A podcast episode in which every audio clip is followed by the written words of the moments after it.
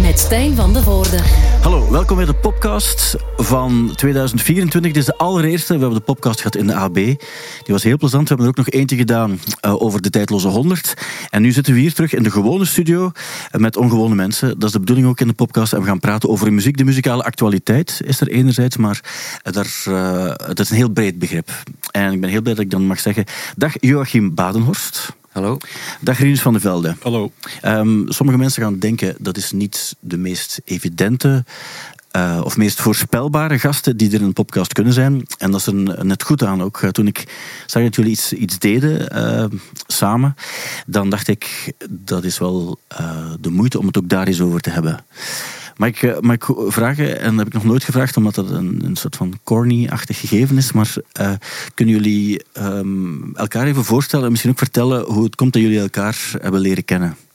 Uh, Rinus, wil jij beginnen? Omdat Joachim is in dit geval, mag ik zeggen, de muzikant van. Het, van het gegeven. Uh, ik ken Joachim toch al redelijk lang. Ik weet nog, als ik pas in Antwerpen kwam wonen, denk twintig jaar geleden of zo, ben ik eens naar een kleine galerie gegaan in de Zakstraat. Die bestaat nu niet meer, denk ik. En daar was Joachim toen aan het spelen. had zo'n soort klezmerband-achtig ding, denk ik. En ik dacht, ja, dat is een ongelooflijke gast alleen. Een ongelooflijke muzikant. En dan jaren later, denk ik tien jaar later, ben ik nog eens in de Solar Shop geweest. Ook zo'n kleine ruimte van vrienden van Joachim. Waar dat hij solo speelde op zijn klarinet. En achteraf uh, heb ik al zijn cd's en platen gekocht. Uh, en dan sindsdien hebben we elkaar iets beter leren kennen, denk ik. Um, uh, ja, ik was totaal gefascineerd door, door wat dat Joachim maakte. En um, ik ken zijn broer ondertussen ook een beetje via andere vrienden. En zijn vader is ook een schilder, die kende ik dan ook. En zo zijn onze wegen een beetje gekruist, denk ik. En ja, leek dat evident op een of andere manier voor mij ook dat wij elkaar tegenkwamen of zo. Als je ja. in dezelfde stad woont en met soort, op soortgelijke plekken komt. Um, ja. Ja, en, en gelijkaardige muzikale interesses. Ook, want je, je, je hebt um, ik weet, met Stuf bijvoorbeeld ja. ook, ook, uh, ook nog een, een hoes voor gemaakt. En, ja. um, uh, dus je zit ook makkelijk al in de jazzsfeer. Ja, als je naar muziek luistert? Ik heb ooit um, een voorbereidend jaar gedaan in de Kunstmajora, waar Joachim ook heeft gezeten, maar voor mij denk ik. En ik merkte dat ik daar meer connectie had met die mensen die pop-jazz deden. Ik weet niet, dat heeft me altijd aangetrokken, zo die sfeer tussen die muzikanten. En ik ging toen vaak, dat is dan twintig jaar geleden, ook naar van die jam-sessies en zo. Ja. Terwijl ik absoluut heel weinig van muziek en zelf totaal amuzikaal ben. Uh, ik speel zelf niks of zo, maar die die sfeer daar rond en die openheid en die uh, collegialiteit misschien, die dat je dan soms wel mist in de beeldende kunst, waar dat toch iets individueler uh, aan toe gaat, of waar dat je eigenlijk alleen in je atelier bent. Ja. Uh, dag en nacht, uh, die zocht ik daar op een of andere manier op of zo. En daar heb ik wel wat mensen leren kennen dan. Ja, Joachim, jij bent, want we mogen misschien ook, als we Joachim even kaderen in het, in het muzikale landschap. Ik, ik heb gezien dat je ooit een, een prijs gewonnen, beste klarinetist van 2021 in de annual Intruso Critic, Critics Poll. Um, ik weet niet wat dat juist is, maar dat wil vooral zeggen dat je extreem goed bent en je instrument extreem beheerst. Ik heb ook filmpjes van jou gezien waarbij je experimenteert en, en vooral ook uh, improviseert. En dat is uh, spectaculair. En dat was hetgeen wat jou ook onmiddellijk aantrok. Dat is ik had nog nooit zoiets gezien. Het is nu raar omdat hem over mij ziet om hem zo te bestoeven. Ja. Nee, maakt ook niet uit. Maar ik kwam daar binnen toen in die Solar Shop en ik dacht, dit is ja, niet van deze wereld. Of, allee, ik, had, ik wist niet dat zoiets kon op een, op een klarinet of op een, op een instrument of zo. Uh, totaal een nieuwe wereld, een nieuwe klank en iets, iets dat ik niet kende omdat ik niet ben opgegroeid in die, in die muziekscène of zo. Maar dat was, ja, ik weet niet, een uur lang dat je gewoon gefascineerd naar iemand aan het zien bent zonder dat je aan iets anders denkt. Ik weet niet, dat maakte niet heel veel mee, vind ik. Ja, Joachim, op die manier ben je voorgesteld ook. Ja. Uh, welkom ook in de podcast, trouwens. Maar dat was ook, uh, dat was eigenlijk mijn allereerste solo optreden in, uh, Ah, in, België, dat ik Wow. deed. Ja, Um, ik had ervoor al eens zo een, een korte try-out gedaan, want ik, ik heb een tijd in New, In New York gewoond, ja. gewoond. ja. En toen hadden vrienden van mij gevraagd, kun je solo spelen, 20 minuten of zo. En dat was de eerste keer dat ik dat deed, maar dan in Solar Shop. ehm, ehm, dat was echt het eerste optreden. En daar was Rinus toevallig aanwezig. En, ehm, En dat ging over, over volledige improvisatie wat je toen deed? Of val je dan terug op een aantal, eh, eh, ja, hoe moet ik het zeggen, eh, eh, fragmenten die je in je hoofd hebt, of dingen die je dan makkelijker kan eh, Ja, naar boven dus halen? zeker, zeker in het allerbegin, zo- zoals toen, zeker, was dat echt uh, volledig improvisatie. Omdat ik er ook maar mee begon. Dat, dat is niet echt evident om, om helemaal alleen te spelen. Ja. Ehm, maar dan, door dat daarna meer te beginnen doen, dan, dan kom je wel in soort patronen of, of dingen die dat Ja. gemerkt dat werken en komen er soort van nummers. Ehm, en is het eigenlijk moeilijker na een tijd om, om volledig vrij te zijn, om echt volledig te improviseren. Ja, ehm, dus de, de reden dat jullie hier samen zitten, daar bestaat ook een, goede reden voor. Daar hebben we het onmiddellijk ook over. Ehm, maar kan je eh, ook zelf eens vertellen op welke manier Rinus dan ook in jouw muzikale wereld terecht is gekomen en waarom je dacht van ik zou het wel interessant vinden mocht hij er op een of andere manier bij betrokken zijn? Ja, dus toen hebben we elkaar leren kennen. Allee, die keer ervoor in de, in de Zakstraat hebben we elkaar Mm, we gezien, niet maar hebben we niet, gepraat of zo. Maar toen hebben we elkaar leren kennen. En, ehm, en ik, eh, ik heb ook Rinus zijn, zijn, zijn kunst leren kennen. En, en ook enorm, enorm fan van, van alles wat hij doet. En, ehm, en dan, ik denk vrij kort daarna, dat, dus dat, dat eerste solo optreden waar Rinus aanwezig was en ook al die, al die albums en cd's kocht en, en zo enthousiast was, dan, dan ben ik verder gegaan met dat solo spelen, meer te doen. En ook, eh, dan dacht ik, ik ga een, een eerste album maken, een solo Ja. album maken. En dan had ik eh Rinus gevraagd of dat hij misschien zou willen meewerken en misschien eh, een, een hoes maken van het, van het album. Ja, en, en wat ik heel interessant vind, maar mocht ik een band hebben, zou ik eh, sowieso zeggen, ik ga Rinus van der Velde vragen of hij een cover wil maken. Het probleem is dan dat je duizenden vragen zou kunnen krijgen van mensen.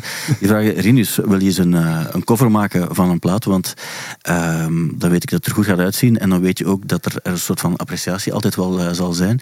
Maar ik neem aan dat je niet zomaar ja zegt, dat er altijd een, een reden voor moet zijn. Nee, ja, ik krijg, ik krijg veel van die vragen natuurlijk, omdat dat evident is. Ja, Zo'n hoes is iets knap en je wilt daar iets, iets mooi van maken. Maar ja, probeer wel inderdaad te selecteren. En ook als je dan een hoes maakt voor iemand, hè, voor Joachim of zo, dat dan niet de honderdste hoes is of zo. Ja. Dat dat ook iets, eh, iets speciaals is of zo. Ja. Probeer niet elke maand één te maken of zo. Nee, Ik neem aan dat het ook altijd met, met vrienden of artistieke vrienden is, eh, dat het in die sfeer gemaakt is, zoals bij, bij Tom Vallaar, bij Edmond Ja. Freebie heb je eh, vaak van het foto's ook die je daarvoor gemaakt hebt. Ja. Of bij Stuff is het dan echt ook getekend Tekening, geweest. Nu is, het, nu is het geschilderd. Het is, het is, het is, eh, Maar dit, ja, dit, Sorry. is, dit is de, het eerste solo-album. album, ah, de eerste plaat heb je... Ja, oké, en oké. inderdaad ook van een foto vertrokken, die in jouw studio gemaakt, met Ja. veel props. En dan een soort, eh, heeft hij een, een soort close-up van mijn gezicht Ja. geschilderd. Ja. En toen hij het doorstuurde, dan, ik was ja, enorm ge- gepakt en ik vond het prachtig mooi. Maar ik dacht dat het ongeveer ook de grootte was van een, van een platenhoes. Maar dan Dat ging, gigantisch. ging ik naar zijn studio. en dat was inderdaad een supergroot, grote, enorm grote tekening Ja. van mijn gezicht. Dat was echt wel, eh, was ik wel echt van verschoten en Nee, onder de ja. indruk. En, en waar is die tekening dan nu? Ik weet dat eigenlijk zelf. Nee. Ja, ik denk dat er misschien iets daarna is gebeurd met eh, dat hij is beschadigd geraakt. Of Ja, ja, ja. Het was wel in een tijd dat ja, sommige werken raken beschadigd. in het atelier. Ik denk dat sommige mensen zouden zeggen, kunnen we het atelier niet waterdicht maken of zo? Want op zich zou er wel interesse voor kunnen zijn. Maar misschien ook wel mooi dat het dan eh, dat het origineel niet, niet meer bestaat en dat je weet van je moet de plaat kopen om het, Ja. nog, om het nog eens te zien. En dan, ja, nu heb je, dus eh, waar het, waar het dan echt over gaat, want nu komen we bij het, het echte punt, is dat, er, ehm, dat je nu een tweede plaat hebt gemaakt met Zero Years Kids. En eh, dan heb je opnieuw aan Runes gevraagd, zie je het zitten, om ook eh, om mee te werken, om het misschien iets verder te, om iets verder te gaan nu, want nu gaat het niet enkel over eh, de, de hoes van de plaat, Ja. maar ook als het over kledij gaat en ook visueel, dan, dan was er plots ook iets meer. Ja. Want ja, in, de, in, de tussentijd, in de tussentijd, is sinds die eerste plaat tot nu, eh, ja, ik denk zeker tien jaar Ja, of zo ja, tussen gegaan. En, en zijn we ook, is, is Rinus ook eh, films beginnen maken. Ja. En, en eh, zijn we al twee verschi- meer verschillende dingen beginnen doen. En, en heeft Rinus, zijn we ook beginnen samenwerken met de films. Heeft Rinus mij gevraagd voor muziek te maken van zijn films. Ja. Ehm, en dan nu met de Zero Years Kid, met dit album. ehm, dat, dat is er ook heel hard dankzij Rinus tot, tot stand gekomen. omdat hij een grote fan is van het project. En eh, mij altijd zo zat te, te porren van... Ja, eh, ik wil nog eens iets. Uh, ja, nee, nee, zeker niet. Doe nog eens iets, want ik ken niemand die zo actief is als, als Joachim. Nee, maar binnen, binnen de... Duizend projecten aan het doen is. Maar ik weet nog, toevallig was ik ook op dat eerste optreden, denk ik, van Zero Years Kid in de Permeke bibliotheek dan. Ja. het is precies dat ik toevallig op al uw eerste optredens ben geweest. Het begint griezelig te krijgen. Ja. maar um, ik weet nog dat ik dat toen zag. En toen zei hij tegen mij van, ah ja, we spelen in de Rattaplan uh, twee jaar daarna of zo, na dat eerste optreden. En ik zei, hier is een link op, uh, op YouTube, dan kun je zien hoe dat, dat project verder geëvolueerd is. En sinds die een dag heb ik eigenlijk een maand lang alleen naar dat YouTube-filmpje geluisterd. Terwijl ik aan het tekenen was. En ik vond dat weer zo goed, weer zoiets als de allereerste keer dat ik Joachim zag. En dat waren eigenlijk vier nummers. En ik dacht, hoe goed zou dat zijn als er een plaat van zou zijn? Dan moet ik niet constant die vier, vijf nummers op repeat luisteren ja. op YouTube. Eh, want dat was ook lastig in een auto om die YouTube-link op te zetten. En ik dacht, eigenlijk heb ik een cd nodig of een plaat die ik constant kan opleggen of op Spotify. En ik ben toen gaan kijken naar de Rattaplan. Dat was een ongelooflijk concert. En dan heb ik eens gezegd van, zullen we samen misschien eens kijken hoe, hoe dat we die plaat kunnen maken. Omdat ik toen dacht van, soms... Um, ik koop ook soms het werk van een andere kunstenaar hè, voor mm. bij mijn thuis te hangen of zo, om, om daarvan te genieten en daarnaar te kijken. En ik dacht, waarom doe je dat eigenlijk ook nooit? Waarom gebeurt dat niet met een muzikant? Ja. Ik, ik, vind dat leuk om daarmee te leven met zo'n plaat. Hè. Zou ik Joachim misschien um, praktisch kunnen helpen? Hè, of, uh, ja, vanuit, vanuit wat, wat jij kan. Uh, zoals, zoals Andy Warhol misschien vroeger ook Ja. deed in een Factory, waarbij hij zei van ik zal dan uh, voor de Velvet Underground wel voor Iets de, doen, ja. in meer nadenken over hoe we het er kunnen laten uitzien. En jij, maakt, jij denkt meer naar hoe het klinkt en zo breng je kunstenaars samen. Hoe het zou moeten gaan misschien. Zonder dat iets naar mezelf doet. Allee, dat is echt helemaal Joachim zijn project. En ik vind dat ongelooflijk, die muziek dat er is. Maar ik ben nu blij dat die plaat er is en dat ik daar naar kan luisteren Vesterålen, det gikk ut. Ja. Dat is ook het mooiste compliment dat iemand echt wil, dat, dat iets wat wel ergens bestaat, dat het nu deftig ergens op verschijnt. Ik heb dat ook soms bij bepaalde Ja. dingen die ik op YouTube zie, of zo live fragmenten die wel ergens bestaan, maar die kwaliteit is niet 100%. En effectief, je moet er echt moeite doen om er naar te luisteren. Je kan niet zomaar via je Spotify of zo luisteren. En dan, en dan ehm, als iemand er zo hard achter staat, dat is een compliment. En zeker denk ik ook als iemand als Rinus is, die ook ergens een artistiek Zeker. oog en oor heeft. Ja, absoluut. Ja. Ja. En ook interessant, jij kan zelf geen nootmuziek spelen. Nee, nee, ik Nee. heb wel geprobeerd. Ik heb eens een gitaar laten maken voor mezelf. Dat is een vreemde gitaar, met, een witte gitaar met houtskoolstrepen op. Maar Ja? die ziet er, ja, ik kan niet spelen. Ik denk dat ik vijf minuten heb gespeeld en toen deden mijn vingers pijn. En dan heb ik een piano gekocht. Heb ik een maand intensief piano gespeeld. Maar ja, het is niks voor mij eigenlijk. Ik- kan die concentratie niet opbrengen. En ik denk ook dat ik te oud ben geworden om daar echt iets in eh, te bereiken of zo. Ja, maar eh, ja, ja, ik weet het niet. Eh, ik kan soms iets later beginnen ook. Maar jij bent vroeg begonnen, Joachim. En dat is de reden waarom je ook die instrumenten zo beheerst, natuurlijk. Eh, we zullen eens luisteren ook. Dit is bijvoorbeeld iets eh, wat je eh, hebt gemaakt, wat nu op de, de nieuwe plaat staat. Die heet Geen Grenzen. En dit, dit nummer heet ook Geen Grenzen.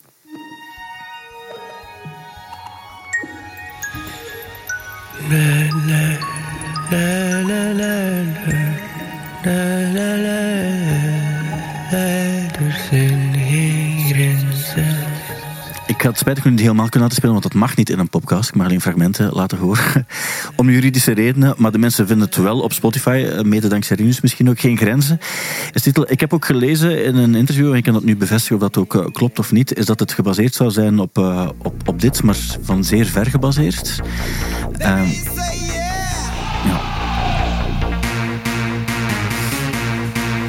En dat kennen we wel. Dus eh, No Limit van Toon Limited. Inderdaad, ja, eh, Geen Grenzen is eigenlijk een soort van cover. Allee, eigenlijk mijn versie van vertaling van, in, van, in mijn wereld van... van eh, Van Toon Unlimited, wat een belpop-klassieker is. Ook al zijn het zijn, dus je hebt Ray en Anita, wat dan eh, twee Nederlandse dansers waren vooral. Twee Belgen hebben het dan gemaakt. Eh, wa- waarom? Want eh, veel mensen gaan eh, zeggen binnen wat jij allemaal kan en hoe je kan spelen. En het, je, bent, je hebt een soort van vergevorderd inzicht, denk ik, binnen muziek. En je hebt mensen die, die naar, hoe moet je zeggen, makkelijk verteerbare pop luisteren en daar ook een beetje bij blijven hangen, wat ook prima is. Maar sommige mensen die hebben zo'n muzikaal inzicht waarbij ze dat soort dingen niet meer interessant vinden en heel ver op zoek gaan naar, naar hoe ver kan je gaan met bepaalde instrumenten. Ik zou denken dat jij in die klasse zit.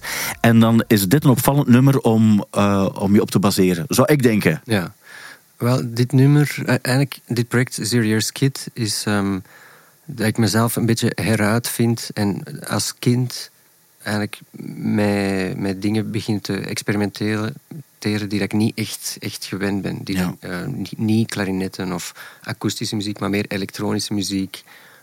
Wat hip-hop zit er ook in. wat hip-hop inderdaad. Ehm, En of dingen, ja, dat ik mezelf terug een beetje kind en speels kan zijn. En dit nummer, ehm, eh, No Limit, eh, toen ik een jaar of twaalf was, stond dat op zo'n tophit cassetje. En dat, Ja. ik, ik luisterde dat, ik draaide dat echt helemaal grijs die zomer. Dat, ik was echt super, super fan van dat nummer. En van al die hits. Van, die, die, die er Ja, toen op stonden. En dus 91, 92 of zo. Ja. Ja, als het over, over eh, teruggaan naar je kindertijd, dan, dan is dit er ook een onderdeel van, denk ik. Zijn dus gesmeden. Hé, wat ik geen wonder. Wat ik geen wonder. Zijn die twee beren. Zijn dus gesmeden. Hé, wat ik geen wonder. Hé, wat ik geen wonder. Maar ik zeg dat dit het, het, het, het meest eh, radiovriendelijke nummer is op, op de plaat. Het, het is letterlijk de hit Twee Beren die we kennen, maar dan op jouw manier. Ja. eh, je hebt er iets mee gedaan. Is dat dan meer een uitdaging om een nummer dat echt iedereen kent en iedereen kan meezingen, om daar dan iets mee te doen? Ja, dat denk ik wel. En ook wat dat ook meespeelt is dat ik heb dat al sinds vier jaar heb ik zelf twee kleine kindjes. Mhm. Eh, Die zijn nu twee en vier. En ik denk dat dat mij ook wel eh, ook beïnvloedt met bepaalde dingen zoals bijvoorbeeld dit. Ja. Ik denk dat dat, dat in, mijn onderbewust, onderbewustzijn dat dat mij beïnvloedt voor, voor een nummerkeuze of, of eh, daar, daar iets mee te doen. Ja, als oorworm komt het dan naar boven en dan blijft het hangen en dan kan je ermee aan de slag gaan. Eh, mijn, mijn persoonlijke favoriet eh, van de plaat is deze. Woorden komen spoken, klakken stel in de pubers. Mijn schort in een stop. Stotterende, snotterende zinnen. Diep van binnen. Alle lange rij letters komen opborrelen. Vanuit het niks, overdag. Als ik voor mijn uitzicht te staren. Niks het dansen door de lucht. Maken tussen de wolken. Mijn. Probeer ze te placeren op een velletje Het is heel onrespectvol van mij om hier nu gewoon over te komen, maar ik vind het mooi omdat het is een... eh, eh, de teksten vind ik heel schoon. Ik vind het soms ook grappig, als ik eh, dat mag zeggen ook. Het is, het is vaak ook gewoon... Er zit veel humor ook in de plaat, ook in de manier waarop het gemaakt is, eh, voor mij dan persoonlijk. Wat is jouw persoonlijke favoriet, Rinus? Ja, ook wat dat jij zegt. Deze? Ja, ik vind het een heel mooi nummer. Onvoltooid verleden tijd was de titel van dit nummer. Ja.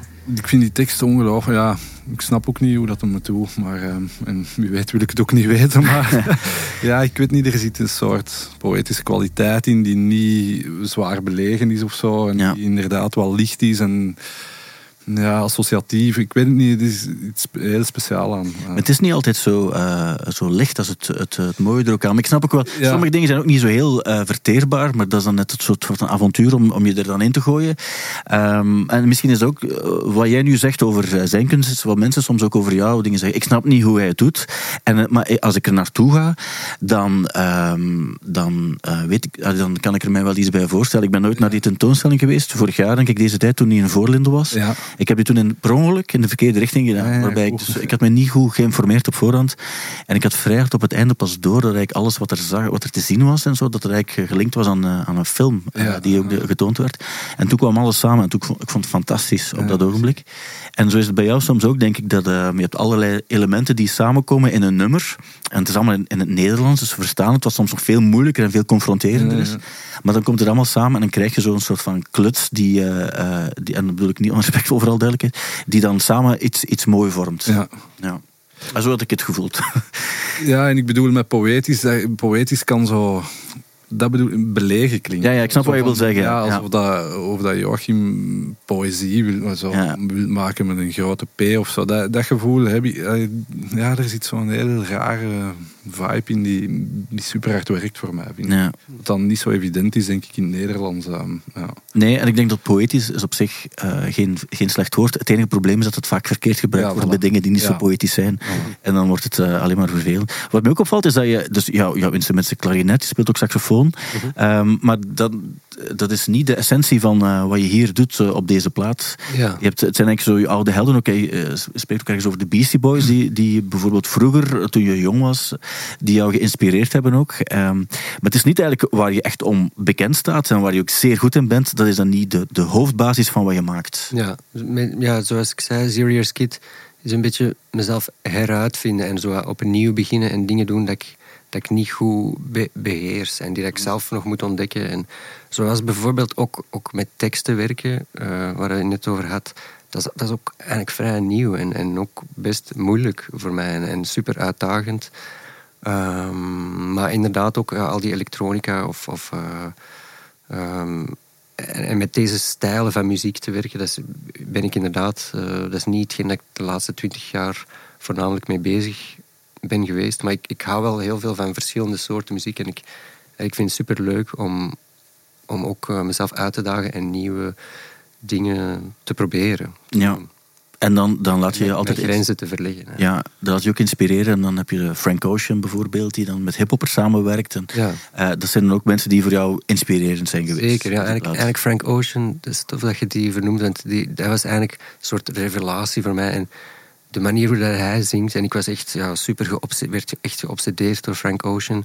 En hij heeft mij eigenlijk aangespoord om met dit project te beginnen. Om, om zelf echt, ik wou echt zelf beginnen zingen als ik Frank Ocean hoorde. Ja. En eh, ik dacht, wauw, ik wil gewoon zoiets proberen te doen ook. Ja, is het ook een beetje zoals eh jij, Rinus, eh, je staat bekend om het feit dat je eh, prachtige houtskool tekeningen en, en tekeningen, moet ik dan zeggen, het zijn geen schilderijen, zijn tekeningen, tekeningen, maakt. Maar op een bepaald ogenblik zeg je dan toch, maar nu wil ik ook eens iets met keramiek proberen. Of nu Ja. ik, dat, je, dat is ook vergelijkbaar, denk ik. Is het niet dat als- je als, als echte kunstenaar dat je niet wil blijven stilzitten bij hetgeen waar je onbekend staat, ook al zal dat misschien altijd de basis blijven van wat je heel je leven doet, maar dat je daarnaast wel op zoek wil gaan naar andere dingen. Dat herken ik heel hard, wat dat Joachim zegt, dat je je eigen wilt eruit vinden, maar ook u in een positie wilt brengen waarin dat dingen niet gemakkelijk zijn. Ja. Eh, en waarin dat dingen heel fout kunnen aflopen ook. Eh, en bijvoorbeeld met een nieuw materiaal heb ik dat veel. Hè. Ik begin dan in oliepastel te tekenen en ineens moet dat alles opnieuw uitvinden. En, en wat dat Joachim helemaal in het begin zei over die allereerste improvisatiesessies, hè, dan zijn ze eigenlijk helemaal vrij en gaandeweg sluipen daar altijd patronen in. En soms zijn die patronen ook ambetant of eh, ehm, willen die eigenlijk wegkrijgen terug en willen terug naar die vrijheid komen. En dan werkt het soms wel om, om totaal van medium te, eh, te veranderen. En, en terug die, die frisheid te vinden zo, en terug te kunnen falen. Want eigenlijk gaat het ook veel over falen en mislukken. Dat, dat je dat toelaat hè, en dat er een soort verrassing kan komen. Hè. Als er aan de ene kant kun je heel hard op je bek gaan, maar dat wil er ook voor zeggen dat je aan de andere kant iets heel schoon kunt vinden als je niet op Ja. je bek gaat. En dat bewonder ik eigenlijk super hard aan Joachim, dat dat nooit dat je altijd die patronen uit de weg eh, zult proberen gaan. Denk ik. Allee, of, of niet schrik hebt om, om, om daarvan weg te gaan. En, en ehm, ja, geen grenzen te hebben eigenlijk. En niet te zeggen, oké, dit ken ik nu. Hè. Ik kan ongelooflijke solo spelen op die klarinet. Ik ga dat vanaf nu voor altijd... Dat zou een makkelijke keuze zijn. En dan zouden... Maar je kiest voor die, die iets moeilijkere weg, denk ik. Waardoor dat er ook zo'n ongelooflijk knappe dingen tot ja, kunnen Maar komen. inderdaad, maar inderdaad, jij ook. Hè, met telkens uitbreiden van, van, uw, van uw media. Ook, ook dan die films beginnen. En dat, dat is denk ik in het begin dikwijls moeilijk. Of niet de meest voor de hand liggende keuze. Maar zo ook verbreden ook wel Ja. uw, uw spectrum en, en mogelijkheden. En misschien ook, ook wel ook publiek, in- ook publiek of zo. Ja. In het begin dacht ik, toen ik hiermee dacht, begon, dacht ik, oh nee, ik kan deze echt niet doen. Deze, deze gaat echt niet ge- geaccepteerd worden. In het begin dacht ik, ik moet echt mijn masker en een alter ego niet zeggen dat ik dat ben, want iedereen gaat, gaat allee, mensen gaan mij echt laten vallen of zo. Maar dan ben ik dan een tijd, nou, dat heeft lang geduurd, maar heb ik dat gewoon geaccepteerd. Oké, dit is ook, ik wil dat gewoon proberen en dat is gewoon deel van mezelf, want ik, het is echt wel gemeend. Ehm, en ik denk dat uiteindelijk dat dat niet zo is dat mensen je laten vallen als je iets anders probeert. Nee, Dat wel, er zullen er altijd zijn, maar dat zijn dan Ja. ook die mensen die om de verkeerde redenen. Met, ik denk ook net de, de werelden waarin jullie zitten, dat zijn op zich ehm, mensen waar geweldig, of een wereld waarin geweldig creatieve eh, mensen zitten, maar je hebt altijd een groep waar je een soort van vooroordeel over hebt. Ik denk zeker ook bi- binnen wat jij doet binnen de beeldende kunst, ook binnen, binnen jou, als, het, als je meer zo in de, in de jazzwereld blijft, dat heeft een soort van eh, een vooroordeel hebben daarover die mensen. Die, het moet allemaal juist zijn zoals zij het in hun hoofd hebben, want anders eh, dan, eh, dan wordt je daarop afgestraft. En daar hou je onbewust, ook al wil je niet, soms ook wel echt rekening mee, denk ik. Dat je weet van, oké, ik ben hier goed in, ik word hier- hierin geapprecieerd binnen wat ik doe. Ik ga er ook niet te veel van afwijken, want je wil ze ook niet verliezen. Ehm, maar ergens moet je dat gewoon wel doen. Ja, dat is het allermoeilijkste, denk ik, dat je dat kunt loslaten. En je ziet dat ook in de kunstgeschiedenis. De mooiste voorbeelden zijn wel de mensen die dat daar verbreed hebben en die dat daar niet in blijven hangen zijn. Of Ja. zo. Je hebt bijvoorbeeld dat verhaal van Philip Guston was een ongelooflijk een abstracte schilder. Die was wereldbekend met zijn abstract expressionistische schilderijen. En van de ene dag op de andere dag zegt hij: Oké, ik stop daarmee en ik begin super figuratief te werken. Iedereen liet hem vallen, behalve Willem de Koning. Hè, die steunde hem nog, die een soort goeroe was van de abstracte ex- expressionisten. En nu is er een grote tentoonstelling in Tate en daar hangen zijn figuratieve werken. Dus het is ook die shift dat als Leeft hij nog? Nee, nee, hij is gestorven dan eh, een hele tijd geleden. Maar we kennen hem nu voor zijn later werk. Hè, en voor eigenlijk ja, de moed die hij heeft getoond om toen in die tijd te zeggen van ik ga vanaf nu heel figuratief schilderen. Ehm, en dat zijn toch ja, bijzondere verhalen, vind ik. En daar heb ik vaak meer aan dan aan zo een uiver dat heel consequent... ehm, eh, doorgewerkt is of zo. Dat, ehm, ik hou wel van, van die kunstenaars die, die dingen uitproberen en waar dat dan soms wat hiaten in zitten in dat werk of zo, maar ehm, Ja. die wel mooi zijn. Daarom vond ik het tof om in de podcast het ook iets daarover te hebben. Want je weet wel, als je zo'n plaat maakt, dat heeft absoluut een publiek. Maar je gaat daar nooit een miljoenen publiek mee kunnen bereiken. Omdat dat gewoon niet, niet eenmaal... Dat is geen hapklare brok die bijvoorbeeld makkelijk op de radio gespeeld kan worden. Dus eh, dat is ook ergens een soort van eh, opoffering. Opoffering is niet het juiste woord, want je maakt dat omdat je het, omdat je het moet maken. Maar kan me, hou je daar dan rekening mee ook? Waarbij je weet van, ik, ik, eh, ik doe het vooral voor mezelf. En, en, en uiteraard nog altijd wel een grote groep van mensen die het ook wel apprecieert. Ja, inderdaad, voornamelijk van, van mezelf, van, van dit te willen doen. Maar ook van mijn achtergrond is eigenlijk nog experimenteler Ja. dan dit.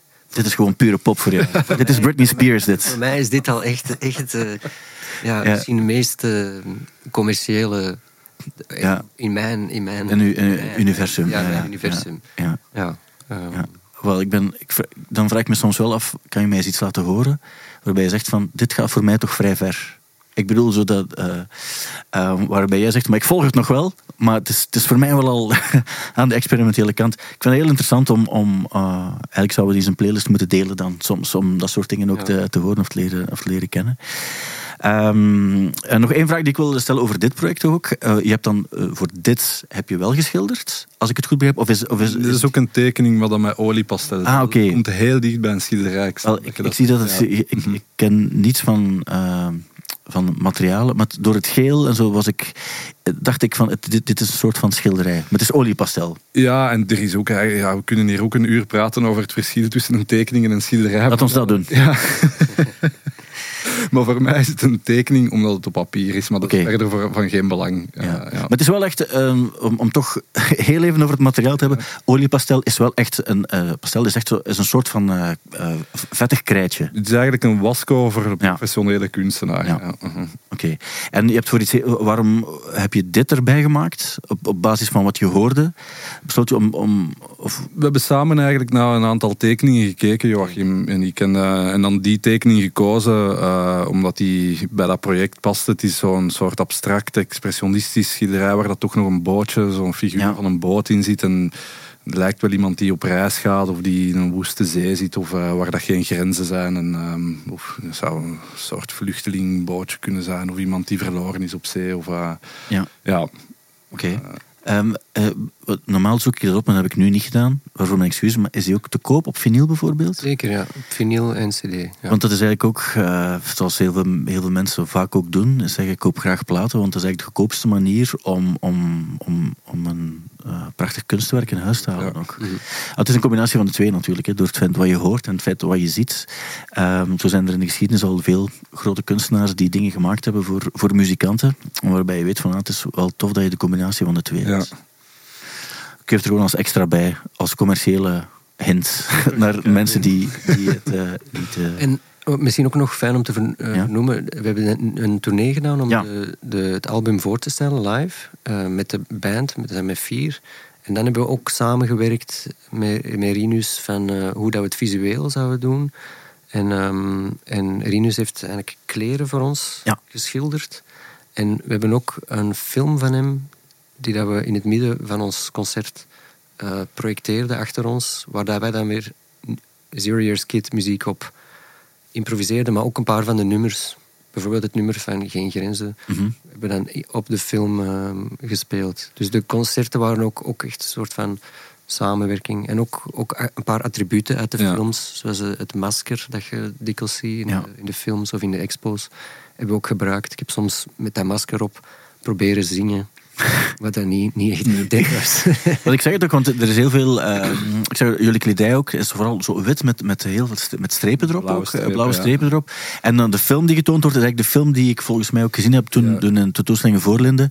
Eh, de tentoonstelling die nu ergens eh, in Zuid-Korea in Zuid-Korea moet geraken. Ja, voilà, ja, maar die helemaal vastzit eh op Ja. zee door piraten en wordt tegengehouden. Wat ook een onwaarschijnlijk verhaal is. Met de tentoonstelling zou iets later van start gaan wegens piraten. ja. Eh, dus jullie zijn eigenlijk beide binnen wat jullie doen eh, internationaal eh, bekend en, en berucht en beroemd en geapprecieerd ook. Eh, Het is tof dat jullie dan elkaar gevonden hebben om op die manier ook effectief ja, film en, en, en wat je visueel ziet met iets auditief te combineren. Heel interessant. Ik, ehm, ik zou het iedereen aanraden. Dat is vooral wat ik zou willen zeggen. Als het goed is voor jullie, zou ik nog een paar dingen uit de afgelopen muzikale weekactualiteit eruit willen halen. Eh, het, eerste, het eigenlijk van de afgelopen twee weken, omdat dit de allereerste podcast is van het jaar. En het eerste wat ik er even wilde bijhalen is een, eh, een jazzmuzikant. Zijn naam is eh, Les McCann. Hij is gestorven helemaal op het einde van het jaar, maar het nieuws is op 1 januari dit jaar bekendgemaakt. En het is een, eh, een man die, eh, hij is geboren in 1935. Eh, hij werd ook wel eens als een, eh, een, een, een muzikant van de muzikanten eh, genoemd. Miles Davis, Stevie Wonder, Herbie Hancock waren grote fan van hem. En zijn eh, bekendste nummer, of het nummer dat we, dat we zouden moeten kennen, ehm, maar het was bij mij niet het geval, als ik heel eerlijk ben, is dit nummer.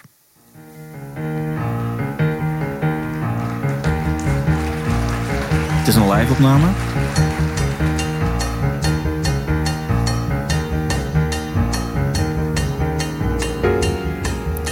Ja, je moet zelf maar eens beluisteren. 1969 opgenomen met een zekere Eddie Harris. En ehm, dat is het nummer dat we de, zouden, zouden moeten kunnen. Maar wat vooral opvallend is aan de, aan de man, is dat Massive Attack, de Notorious B.I.G., Warren G., Dr. Dre, A Tribe Called Quest hebben allemaal gesampled eh, uit zijn werk. En dat is ook vaak wel opvallend bij heel veel jazzmuzikanten, dat ze dingen gedaan hebben of gemaakt hebben, waarvan niet, we niet altijd weten dat het van hen komt, maar we kennen dan wel de gesampelde eh, versie. Is er uit jouw werk al gesampled? Ehm, niet dat ik weet eigenlijk. Ja. Ja. En soms ga je het misschien ook niet weten, want het wordt niet aangegeven ook. Ehm, het, het nummer dat ik eh, wel min of meer herkende was dit.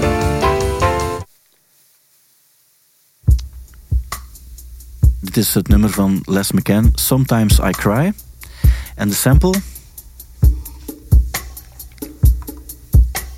Eh, Massive Attack. ja, Massive Attack, die eh, teardrop van Massive Attack. Dit is een sample, die is wel officieel gecleared en, eh, en aangevraagd. Het komt allemaal van hem, dus gigantisch veel dat je zo in flarden herkent als je, eh, als je er naar luistert. Voilà, die mens is eh, eh, gestorven. Dus eind vorig jaar en 1 januari was het nieuws. Stond er dan plots op, eh, op eigenlijk best wat, best wat sites. Uh, spijtig genoeg dat heeft hij dan de appreciatie gekregen op het moment dat hij gestorven was. Jij, jij herkent onmiddellijk Massive Attack. Is dat ook iets wat je wel interessant vindt? Zeker, ja. ja. Zo die trip, trip op die hele Bristol, Bristol toch? Ja, Bristol, ja. Ja, ja, heel veel naar geluisterd. Ja. Portishead, Massive Attack, Tricky. Ja, ja. Zo de eerste helft van de jaren 90 ja. trip-hop. Uh, waarbij ook uh, Massive Attack ook wel een, uh, een band is die ook op het visuele heel hard gelet heeft. Die, 3D, de, de frontman eigenlijk van de band, die schilderde ook zijn eigen hoezen altijd. Ja. En hij doet dat nog altijd. Heeft nu bijvoorbeeld heeft hij ook zo'n project gehad waarbij hij um, ja, Prins heeft verkocht voor, uh, voor, uh, voor de Palestijnen. Okay. en, uh, en heeft daarnaast ook een plaat gemaakt die hij zelf ook een andere cover heeft gegeven. Ook, is ook eigenlijk een, een goed voorbeeld ook van combinatie tussen, tussen muziek en, en ervoor zorgen dat het er ook nog goed en juist uitziet. Mm. Um, ja, Massive Attack dus. Dan, uh, ja, Taylor Swift. Is dat iets uh, wat je op een of andere manier uh, fascinerend kan vinden? Alles wat met Taylor Swift te maken heeft. Goh, ik, ik vind het fascinerend hoe dat, dat zo'n enorm fenomeen is geworden. Want eh, als ik naar luister, heb ik niet echt direct, begrijp ik niet echt hoe, waarom of zo. Dat denk ik, ja.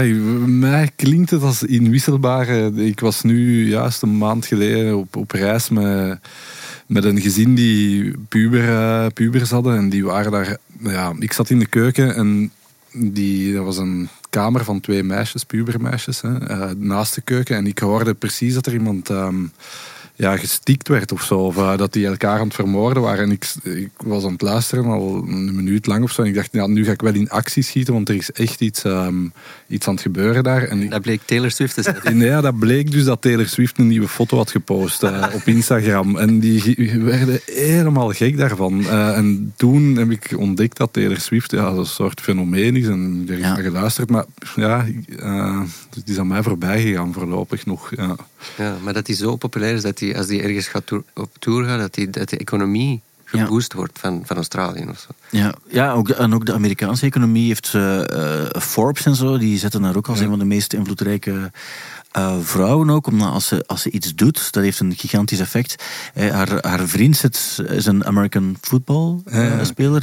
De NFL heeft zijn omzet daardoor zien stijgen, omdat zij gaat dan ook vaak naar die wedstrijden kijken. Die truitjes van die kerel, dat is dan zo maal duizend dat die nu verkocht worden. Ja.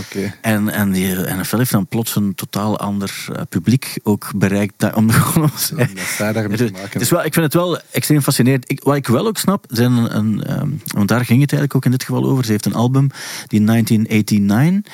En dat is eh, eh, een album waar, waar zo haar bekendste Shake It Off en dat soort nummers. Die, die nummers snap ik wel als popnummers. Ja.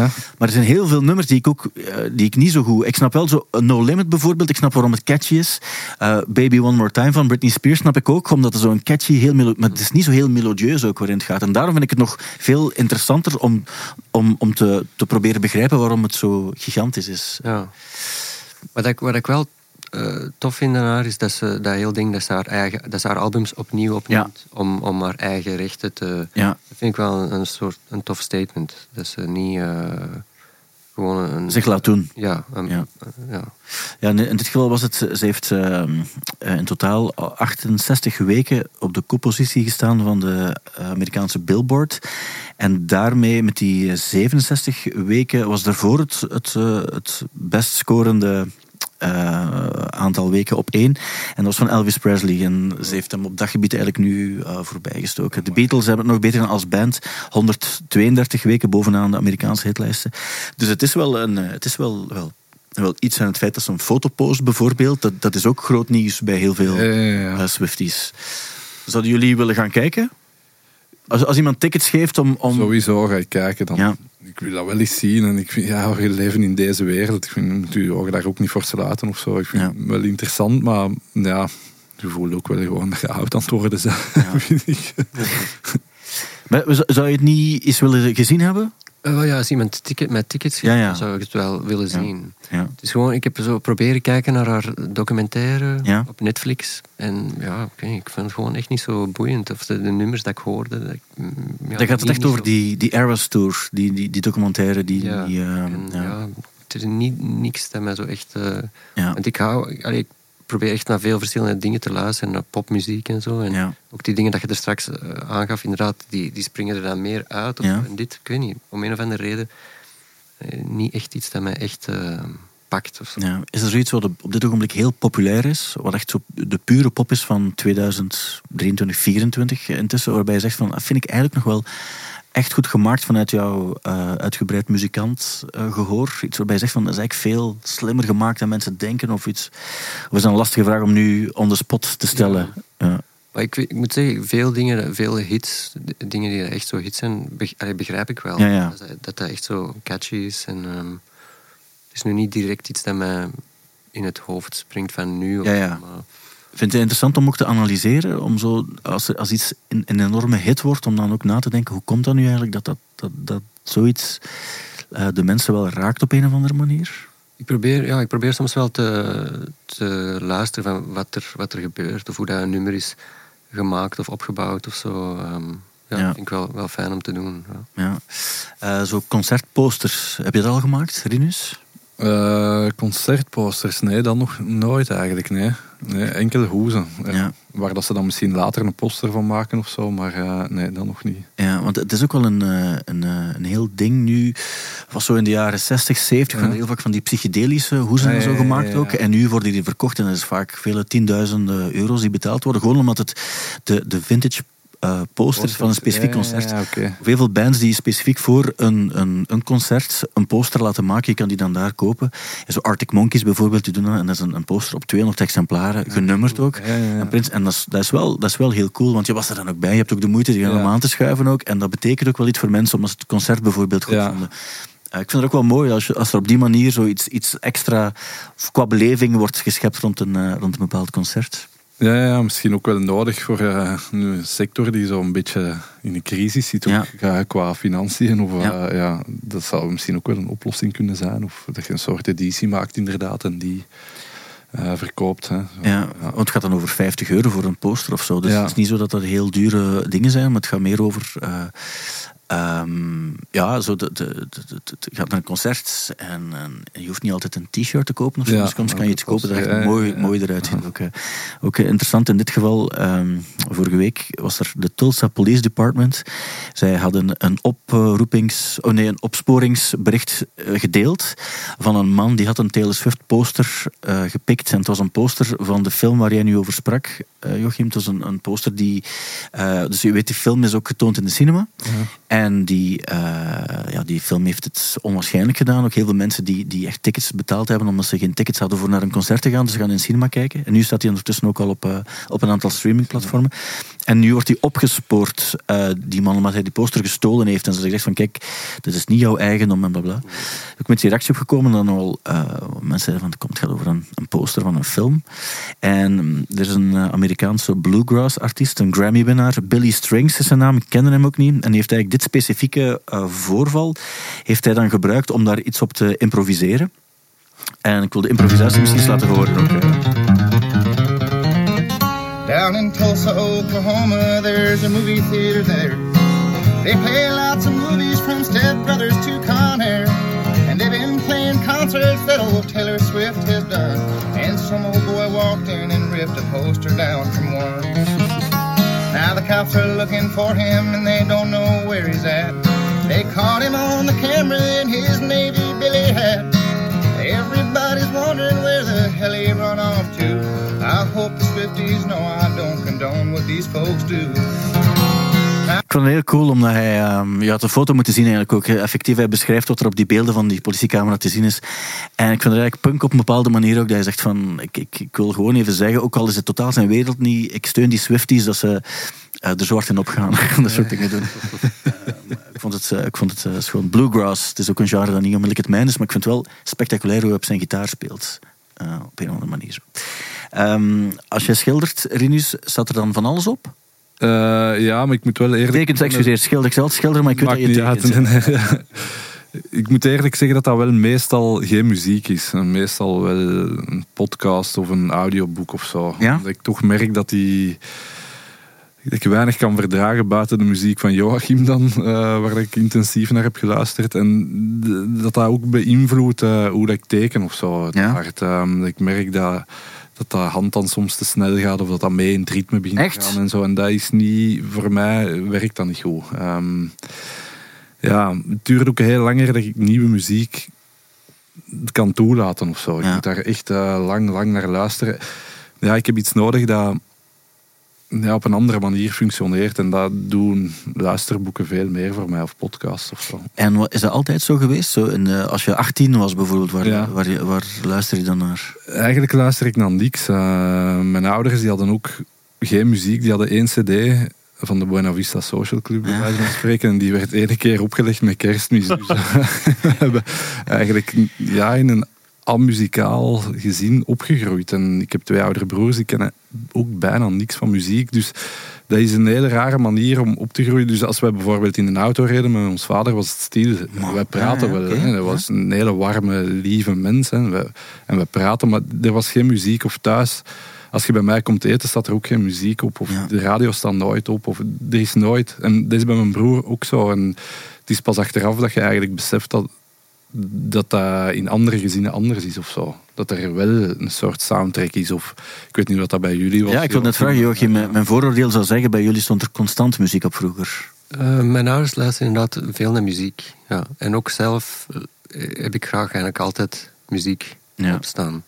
Eh, ik luister gewoon super graag eigenlijk altijd naar muziek. Ja. En als je ze biedt naar Parijs reist, staat er muziek op in de auto, of niet? Ja, maar de, Maar ja, de dus kinderen zijn Die erbij. kinderen Ja. apen, soms. Mijn Ja. dochters van twee en vier, die, die wilden naar eh, Elmo, alleen naar Elmo of zo naar Elmo van Sesamstraat? El Elmo Sesamstraat. Valt nog, valt nog mee eigenlijk. Eh, kan, kan veel verder gaan. Of, eh, of nog erger, eh, zo, de jongste die houdt heel veel van katten. En dan hebben we zo het slecht idee gehad op ehm, Spotify te zoeken naar kattenmuziek. Allee, Oh. eh, liedjes die dat gezongen worden in een, door een kattenstem. En dat was dan echt een hit. Maar dan moesten we zo een uur Ja. naar allemaal katten, kattengejank nummers luisteren. Dat is, dat is echt, echt de hel. Dat is een van de mooiste dingen die ik, eh, die ik vaak bij, bij, bij mensen die met iets heel artistiek bezig zijn, soms kan horen dat zij eh, naar een of andere galerij geweest zijn eh, in Seoul waar ze ophangen en zo. En, of zoals in jouw geval, dat je ergens speelt op een plek eh, waar de beste muzikanten ter wereld samenkomen ook en zo. En dan ga je naar huis en dan zit je bij je kinderen en iemand vraagt, mag de Piet Piraat CD opstaan? En je weet van, eigenlijk moet ik dat... je wil daar allemaal niet steunen en zo, maar je weet van, dat heeft ook niet zoveel zin om daar... Je kan dingen aanbieden, maar soms moet je ook in dingen meegaan. Hè? Sowieso. Zeker, ja. En dan zit je daar. Ja.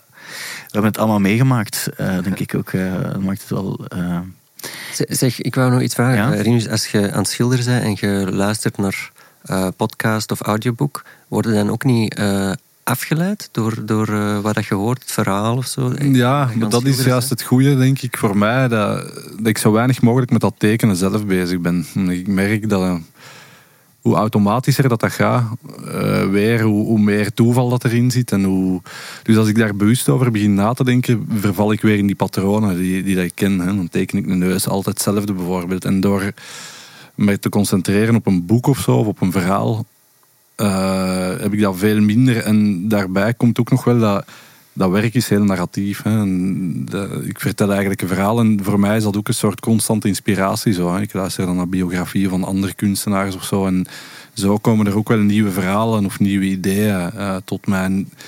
Ik hou ervan dat je twee dingen ineens kunt doen. Ik, kan niet, allee, ik teken veel uren per dag. En dat zijn uren dat ik niet kan lezen. Hè. En door die twee samen Ja, te voegen, ja, twee vliegen in één klap of zo. Ja. Ik probeer zo weinig mogelijk bewust me met dat tekenen bezig. Ik denk dat dat Dus je misschien anders is. concentreren op dat verhaal en dan... En, Ja, en dan gaat doen dat eigenlijk bijna automatisch eh, op een of andere manier. Ehm, en dat werkt het beste zo. Eh, wat dat ook wel zo is, dat als je zo uren en uren en uren voor zo'n wit blad staat, dat wordt ook vervelend op den duur. Allee, dat is zo monotoon dat je wel iets nodig hebt om je, om je af te leiden en om, om de dag door te komen of zo. En dan helpt zo'n podcast of een verhaal ook wel dat je in dat verhaal zit en dat, je, dat een tijd vooruit gaat of zo. Eh, Want ik snap ook wel binnen wat jij maakt, eh, er staat ook vaak letterlijk een, eh, een fragment uit een verhaal Ja. eh, op, jou, Ja. op, jou, op jouw tekening. En dat is, dat is eigenlijk ehm, eh, zo vaag voor mij vaak dat ik het ook fascinerend vind. Omdat het, is, het lijkt alsof, ik dan wil weten, maar wacht, wat, zat er, Wat was wat er was er voor en, ja. en hoe gaat het nu verder? Ja, ja, ja. En dat is eigenlijk het beste. Het is een fragment dat je te zien krijgt, maar je weet, het geheel moet je dan zelf er op een of andere manier eh, bij. Behalve dan bij, ik heb, ik heb ooit van jou, ik denk in het smak in Gent, zo waar ook de- je boot stond. Ja, en zo. ja, ja, ja. En daar, daar zat meer een soort van. eh, en natuurlijk ook bij, verhaal, bij, ja. bij, bij, bij wat je nu gemaakt hebt, ook, daar zit wel een verhaal bij. Maar ik vind het soms ook wel tof dat ik niet weet waar het over gaat. Nee, ja, ik weet wel over wat dat het Ja. gaat, heel specifiek, maar het is inderdaad ook niet de bedoeling om het zo heel vast, eh allee, heel duidelijk eh, dicht te timmeren of zo voor, voor iedereen. Dan is er ook niks meer aan. Maar ik denk als je alles in totaal zou zien, dat je wel een aantal thema's ziet. En, en, ja. Ja. mijn bedoeling is altijd om één heel groot verhaal te maken en dat op het einde van mijn leven dat verhaal ook wel ongeveer af is of zo. Ja. Dat, dat daar altijd aan verder en verder en verder wordt gebouwd. Zo. Ja. En dat elke tentoonstelling een nieuw hoofdstuk is. Ja. En dat- ook dat is weer heel eh, herkenbaar binnen wat jij doet dan, denk ik, Joachim. Dat je dan ook weet, ik, ik wil wel iets vertellen. En dat is ook zo, zeker als je het Nederlands iets vertelt, dan weet je dat in het Nederlandstalige taalgebied, dan luisteren mensen nog aandachtiger naar wat je aan het vertellen bent. Dus je wil ook wel iets vertellen, maar je wil niet één op één eh, iets meegeven, denk ik. Er moet nog altijd een Ja, je wilt inderdaad ook een beetje nog open laten. beetje ruimte laten. Ja, voor, ja. voor mensen zelf te laten fantaseren of, of in te vullen of zo. Inderdaad, zoals met jouw tekeningen met de tekst. Ja. Dat je Mhm. een soort sfeer geeft, maar niet... Maar mensen zelf heel veel ook nog laat... eh, ja, dromen of, of eh, denken of eh, van wat het zou kunnen zijn. Ja, en als je het te hard afsluit, wordt het denk ik te snel saai, want dan heb je alles onmiddellijk gehoord of gezien wat er te horen Ja, en dan is het dat gewoon. Ja. Ja. en dan Ja. kun je het eh, wegzetten of zo. Ja. Alhoewel ik ook wel denk dat, dat je dat puur voor jezelf maakt. Ik weet niet hoe dat, dat bij u is. Ik heb altijd de indruk dat kunstenaars en muzikanten en beeldend kunstenaars voor hun eigen dat werk maken. En er is ook zo'n eh, Pierre Wiege, dat is een eh, bekende hedendaagse kunstenaar, die zei eigenlijk maakte voor vijf mensen werk. Hè. Dat is voor uzelf, voor uw moeder misschien, voor uw partner voor uw hond en voor uw kind of zo. En ik geloof daar wel in dat je... Ik maak nooit iets met een groot publiek in, in gedachten. En daar hadden we het daar juist ook wel over. Ik denk dat dat bijna niet werkt om te denken, ah ja, wat gaan de mensen daar dan van denken of zo. Je maakt dat voor je eigen, voor in het atelier of voor in de studio of ik weet niet, om je te amuseren. En dan hoopte maar dat er Iemand die geïnteresseerd is of zo. Maar dat vind ik wel heel cool, als je dan op die manier iets maakt, eh, wat het ook is, en dat het dan wel ontploft, waardoor je plots een gigantisch publiek bereikt. Ja. Eh, dat, dat, eh, wat misschien niet de bedoeling was, maar je bereikt het wel door puur je eigen ding. Ja, ja, en dat is het mooie. Ja. En dat vraag ik mij ook af met Taylor Swift of zo. Misschien maakt die ook wel gewoon wat dat ze wil maken. Ja, ik- maar dat- ontploft dat helemaal. En, maar is dat ook als kunstenares super eigen of zo? En Ja. Je kunt daar respect voor hebben. Ik denk, zolang dat iemand maakt wat dat hij wil maken uit een soort noodzaak of zo, heb ik respect voor, eh, ja, voor iedereen die zoiets maakt of zo. Ja, want toen dan bij jou zo was, dat er eigenlijk ook, dat je voelde dat ontploft hier eigenlijk wel, wat je aan het doen bent. Ehm, dan denk ik ook wel dat er eh, toch altijd iets meer druk bij komt kijken ook. Ja, maar zolang dat je dan blijft denken van ik maak dat echt voor mezelf, Ja. ik blijf dat elke dag denken, voelde die een druk ook niet. Ik voel nooit druk in mijn atelier. Ik denk dat Joachim dat misschien ook niet heeft, dat je druk voelt als je iets aan het maken bent. Omdat je weet, ik maak dat voor mezelf. Ja. Waarom zou ik me daar nu druk in, eh, in maken? Maar dat is wel iets dat je heel hard moet bewaken, want die wereld probeert heel een tijd binnen te komen in het atelier en die probeert u eh, te, te kneden of, te- of in een richting te duwen die dat je misschien zelf niet wilt of zo. En daar moet je heel waakzaam voor zijn, vind ik. Ik, nu denk ik eraan, ik heb ooit voor de krant een column geschreven en de titel was Fuckrinus van de Velde.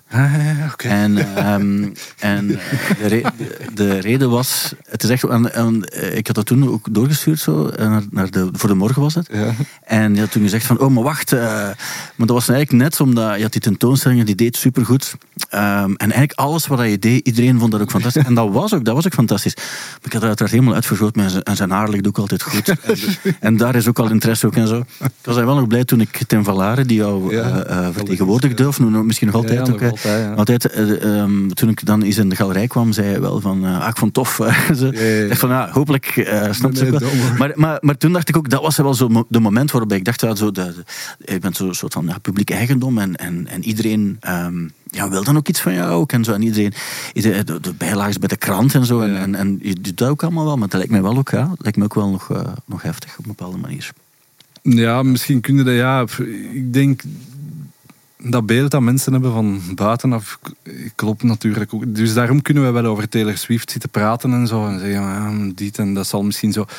Je weet eigenlijk niet hoe dat die gewoon haar werk maakt. Ja. Daar gaat het eigenlijk over. En ja, ehm, er worden over mij ook van allemaal dingen gezegd dat ik denk van, hm, dat is vreemd. Ja, ik ben gewoon een gast die eh, opstaat morgens en naar zijn atelier gaat en s'avonds terug een trap oploopt en gaat slapen. Maar dat vond ik toen net de, de grap was. Eh, dat soort verhalen hoorde ik totaal niet. Ook. Er werd nooit iets slecht gezegd over hem. Dat ook niet slecht te zeggen was. Ehm, maar dan verwacht je dat er toch iets ergens op een of andere manier, dat er iemand toch over iets gaat beginnen zeuren. Want het is zo, als je ergens succes hebt, dan is dat ook zo. Eh, maar dat vond ik net het, het schone eraan ook, dat, dat het leek alsof iedereen ook wel apprecieerde wat je deed. Ja. En eh, eh, ja, zwart. Dat, dat is eigenlijk, ik wil het toch even delen, dat het eigenlijk een van de meest ontroerende columns was die ik ooit heb geschreven. Ehm, eh, ja, dan, ja, ik wil nog Rage Against the Machine is gesplit. Ik weet niet of we daar heel lang over kunnen of moeten praten. Heb- ik zou denken dat jij er misschien vroeger nog wel naar geluisterd Inderdaad, hebt, ja, Joachim. Ja, ja zeker. Eh, ik heb dit toen ook gezien op Rock Werchter, toen dat ik ook zo, ik weet niet, 12 of zo, Ja. of 13, nee, misschien 14 was. Ja, ik denk dat het zo 95 had geweest. Ja, toen, ja, eh, toen dat. Dat is een ja. paar jaar later dan die Two Unlimited. Dan Ja, was, ja. was ik al iets meer geëvolueerd eh, Ja. qua muziekstijl. Ja, die, ehm, wat ik ook wel interessant vind in, aan, eh, aan eh, Rage Against the Machine, ik ben zelf ook geen muzikant, dus ik kan ook geen enkel muziekinstrument bespelen. Af en toe denk ik, amai, dat is onwaarschijnlijk gespeeld, maar ik had bij hen altijd het gevoel, en ze waren met drie, maar het klonk niet alsof ze met drie waren, en echt een heel goede drummer, heel goede bassist, heel goede gitarist ook, die Tom Morello, die ook heel veel experimenteerde ook met zijn gitaar, want af en toe klonk het alsof er gescratcht werd ook en zo, maar het was dan hij op zijn gitaar. Hij had zo'n nieuwe gitaartechnieken die hij ook eh, eh, introduceerde ook. Eh, misschien was dat ook voor jou een reden om het misschien extra interessant te vinden. Goh, ik denk op dat moment, op mijn leeftijd toen, was ik gewoon Ja. meer gegre- ge- gegrepen door die energie, Ja. en die, die, ook die agressie ook van, die, van die zanger en die Ja. teksten. En, en ja, toen was ik nog niet zo heel, heel serieus met Ja, ja. extended techniques. En, en eh, ik, ik was ook, ook nog niet zo serieus ook met mijn klarinetten en zo bezig toen. Ja. Ik was echt gewoon aan het puberen en aan het zoeken. En, maar ook wel inderdaad eh, eh, heel hard ehm, be- beïnvloed door, door rockmuziek. Ik wou toen ook stoppen met, met klarinet spelen op dat moment. En ik wou, ik wou gewoon in een rockgroepje beginnen spelen en, en Nirvana doen of zo. Maar dan mijn ouders hebben gezegd van... Je bent wel goed bezig met die klarinet. Want ook de hele eh, muziekschool en notenleer, dat stak mij wat tegen. Ja. En die zei, oké, stop dan met de notenleer, maar je kunt nog, dan ga je privéles klarinet blijven doen.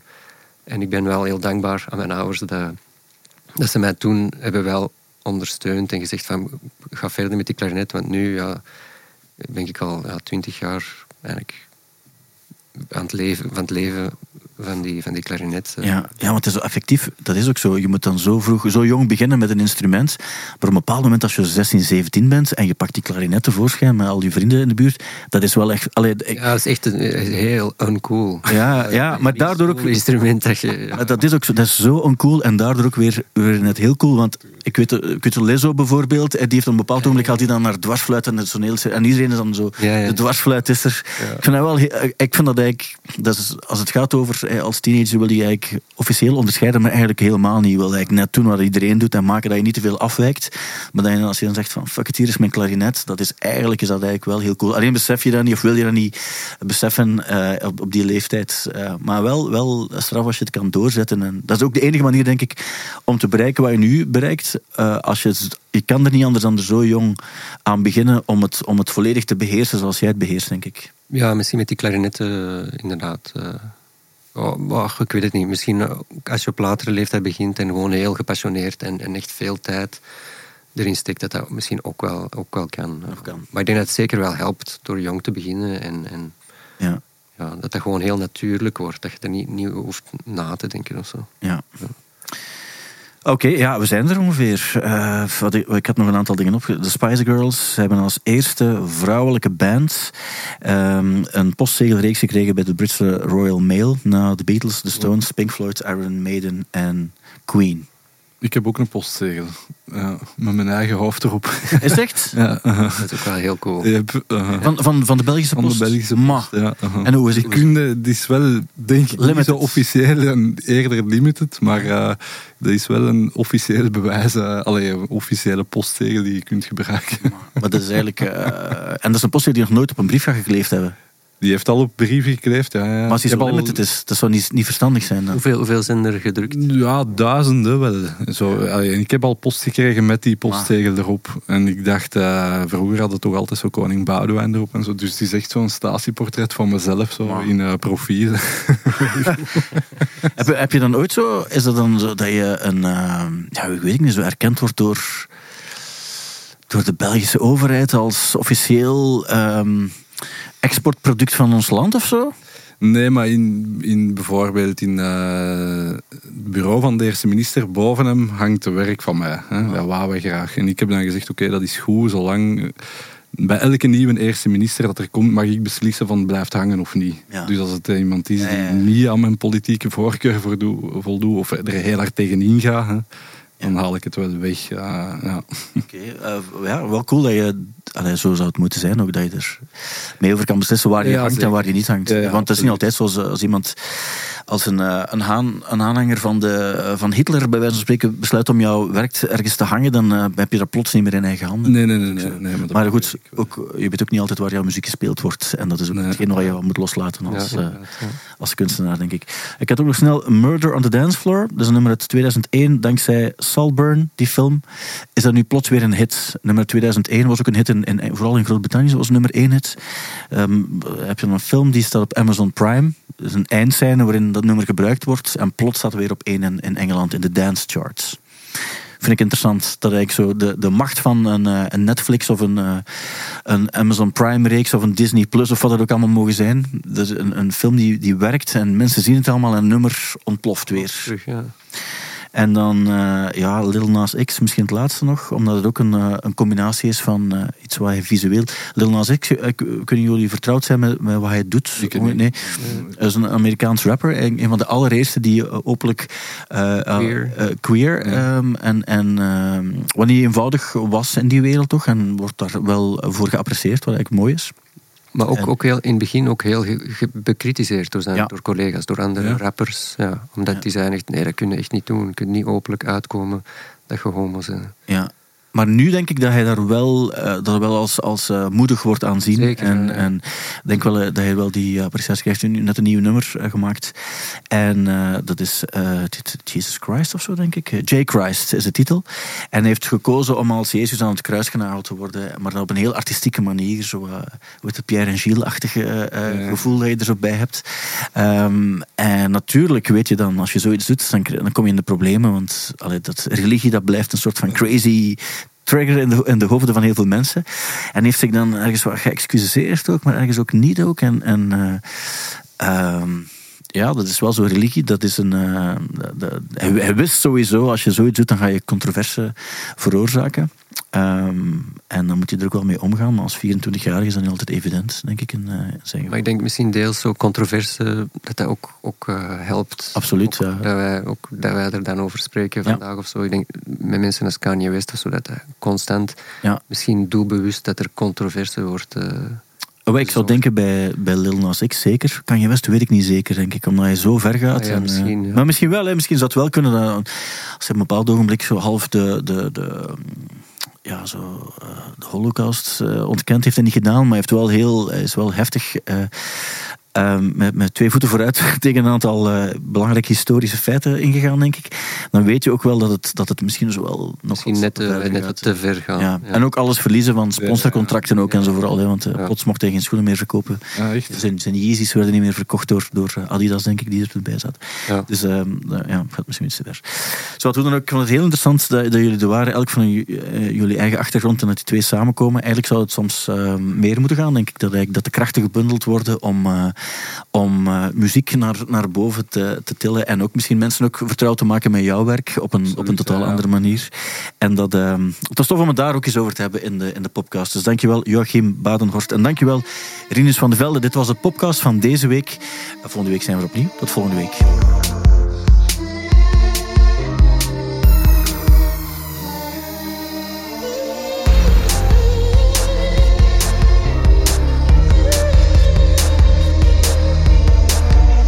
De Popcast.